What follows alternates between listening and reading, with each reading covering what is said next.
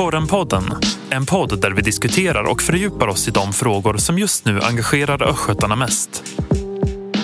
Hej och välkomna till ett nytt avsnitt av Korrenpodden. En vecka har gått sedan senast och mycket har hänt i nyhetsvärlden. Här i Linköping så fortsätter diskussionerna om vem som ska styra med vem i den lokala politiken. Men just den här veckan tänkte vi göra en liten avkrok från det politiska spelet och istället prata om någonting som jag, Albin Wiman och mina kollegor som är med mig här i studion gjorde för precis en vecka sedan. Jag säger hej och välkomna till Julia Järv och Frida Glenning Ströberg. Hej. Hej, hur är läget?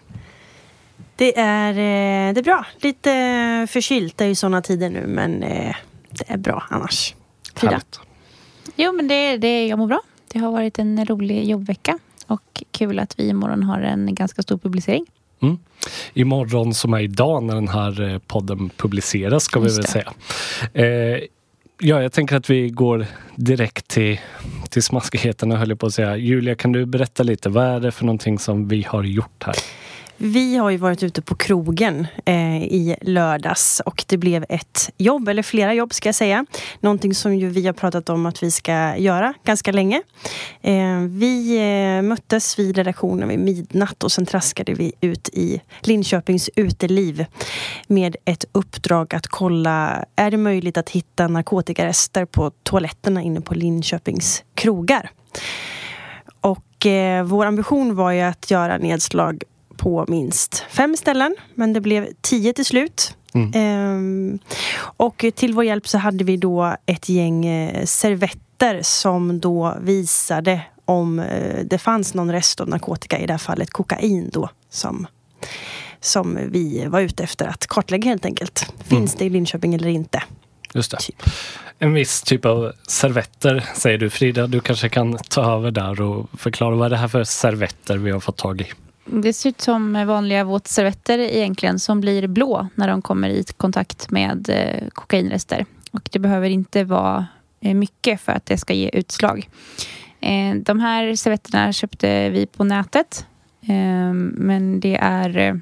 Ja, polisen använder sig också av dem. Ehm, för att liksom göra en första kontroll. Eh, och Magnus Skoglund då, han är ju erfaren eh, kriminalutredare. Han jämför de här servetterna med blåsinstrument som man som förare får blåsa i när man gör sin trafikkontroll. Och att ja, det är ett första test och får det utslag så gör man fler tester helt enkelt. Väldigt lätta att använda och var inte dyra. Om någon tonårsförälder vill köpa hem och pröva i Mm. tonåringens rum. Mm. Precis. Och första stället som vi kikade på så gick vi ju bet. Vi visste ju inte heller vad vi skulle förvänta oss. Eh, man tänker att ja, men det är klart att det finns narkotika i Linköping. Men hur mycket och hur lätt eller var eller sådär. Eh, men vi kikade ju vidare och... Eh, Vi kanske bara ska säga, vi gick ju alltså in på, på toaletten och så swipade vi Ja. de här servetterna på toalettsitsarna, på handfat, ja, alla plana ytor egentligen. Mm, Eh, precis, handtag och så vidare. Eh, för att där kan det finnas någonting om man knarkar, vad vet vi. Eh, och eh, ju längre tiden eller kvällen eh, fortlöp så hittade vi också en hel del spår. Av tio stycken så fick vi träff på sju stycken olika ställen. Och vi gjorde ju stickprov på i snitt var det väl två, tre toaletter per ställe. Mm. Men Det är som Julia säger, det är ju ingen eh, förvåning att det knarkas på Ågatan. Men det blir tydligt svart på vitt att det förekommer på väldigt många ställen. Mm, mm. Det, vi, vi, jag tänker när vi var där, vi var ju såklart nyktra och så. Um, kände ni att vi stack ut lite i, i mängden? Jag tror det mer kanske var en känsla hos oss själva. Mm. Förutom att visst, det var ju liksom lite olika eh, grupper av människor och åldrar och stil och så vidare på de olika ställena. Eh, och på vissa ställen så var det väldigt mycket ungdomar och på andra var det lite gott och blandat. Mm. Man kände sig väl mest skum som betalade dyrt inträde och så var man där i tio minuter. Men jag tror inte det var någon som tänkte på det. Alla har upp, fullt upp med sitt en krogkväll 02.30 tänker jag. Ja, det var väl ingen som undrade vad vi höll på med va? Nej, det var ju en vakt som pratade med oss vid toaletterna på ett ställe. Vi stod och antecknade lite båda två i våra telefoner. Eh, vad frågar han nu igen? Hur täckningen var. Just det. Mm. Mottagningen är kanon, sa vi. Mm. Jag vet inte. Men vi, vi visste ju också sen innan att eh, det är inte ovanligt att just försäljning eller intagande sker i anslutning till toaletterna. Så han ville säkert bara kolla lite hur det var med oss. Ja, eh, som sagt, vi var ute då i lördags, kom hem sent eller tidigt på morgonen kan man väl säga.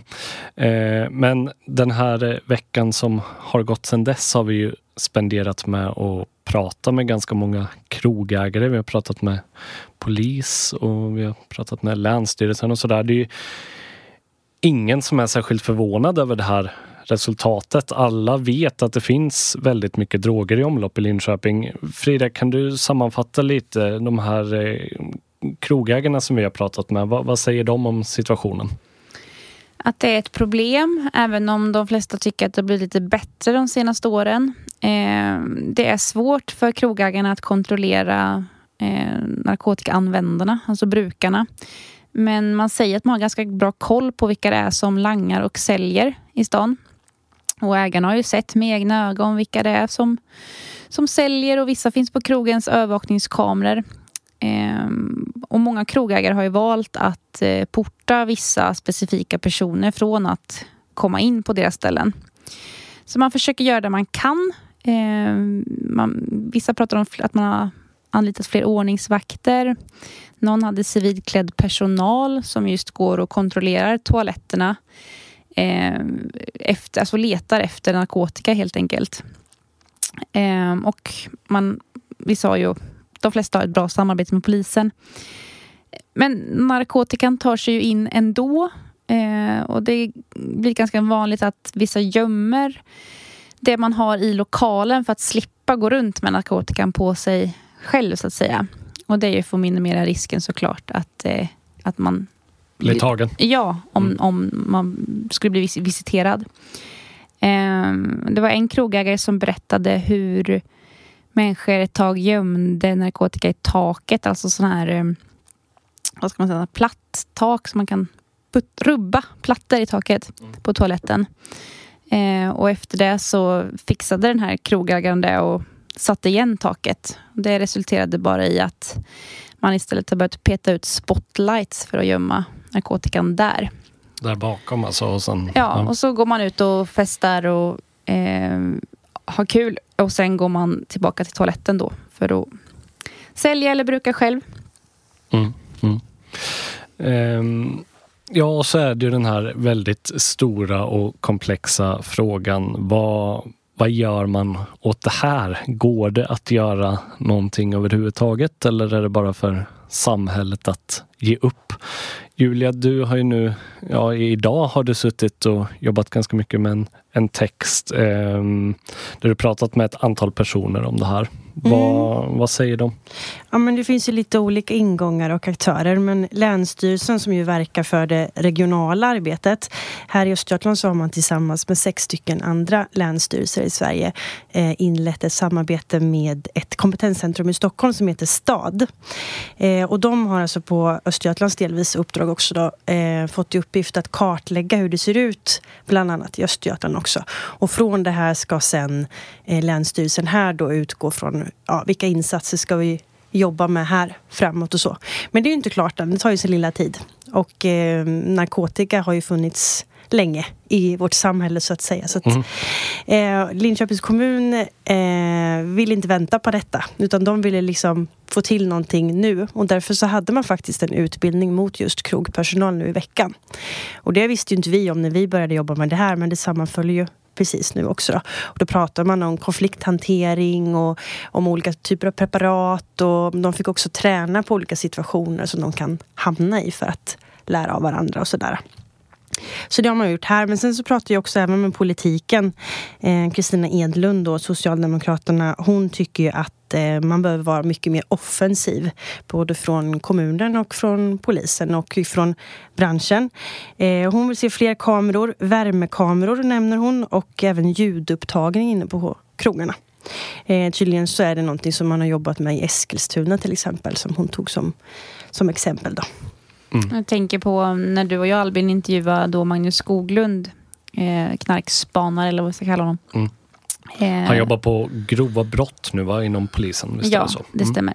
Och eh, då frågade vi honom just eh, om går det ens att påverka efterfrågan? Eller är den bara konstant och det inte går att göra någonting åt den? Men han, han menar ju att det visst går och tog exempel liksom, bak i tiden med den här jätteinformationskampanjen Spola kröken och No fighting generation och menar att det går att ändra attityder men att vi just nu har en attityd i samhället där det inte är så farligt att bruka narkotika.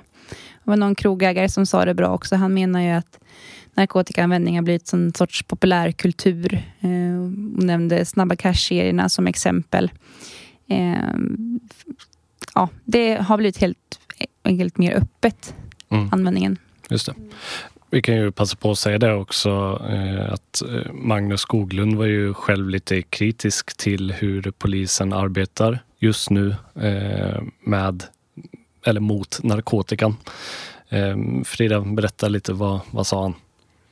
Ja, men han ingick förr i en gatulangningsgrupp. Han var chef där och den eh, Eh, avslutades eller upphörde för ett antal år sedan. Och han menar idag att det är ett problem att det inte finns en grupp inom polisen som jobbar just mot narkotikabrott. För att det är så många andra brott som äter upp deras tid. Grova våldsbrott och så. Ehm, och då kan man fråga sig, ja, men hur viktigt är det då att eh, jaga festknarkare på gatan? Men han menar att det är viktigt för att eh, man ska inte kunna i ett svenskt samhälle eh, knarka utan att vara orolig för riskerna. Och det, han menar att det är riskfritt i princip idag att bruka narkotika. Och så menar han också att genom att ge sig på brukarna så får man också mycket användbar information om säljarna och kan ta säljarna på, på det sättet. Mm. Och kopplingen där, narkotikamarknaden och våldsbrotten som ju också är i deras knä och det sätter han ju likhetstecken mellan. Mm. Det är ju deras födokrok. Mm. mm. Ja, eh, när ni lyssnar på detta så finns eh, alla de här artiklarna att eh, ta del av på korren.se. Så kika gärna in där och Eh, läs detta. Och jag tänker innan vi avslutar podden för den här gången så kan vi ju också passa på att säga att vi vill ju fortsätta granska narkotikamarknaden i Linköping och eh, om det är någon av er som lyssnar som har ett tips som vi bör titta på eller någonting vi bör göra. Eh, tveka inte att höra av er till oss. Eh, ni kan mejla någon av oss som sitter här i studion direkt. Det är våra för, förnamn.efternamn eh, snabelakorren.se. Eh, man kan också eh, skicka till tipsa snabelakorren.se. Eh, och då ska vi säga det att man kan självklart få vara anonym så att man vet om det när man, när man tipsar. Då tänker jag att vi eh, tackar för oss och eh, på återseende helt enkelt. Du har lyssnat på Korrenpodden. Ansvarig utgivare Maria Kustvik.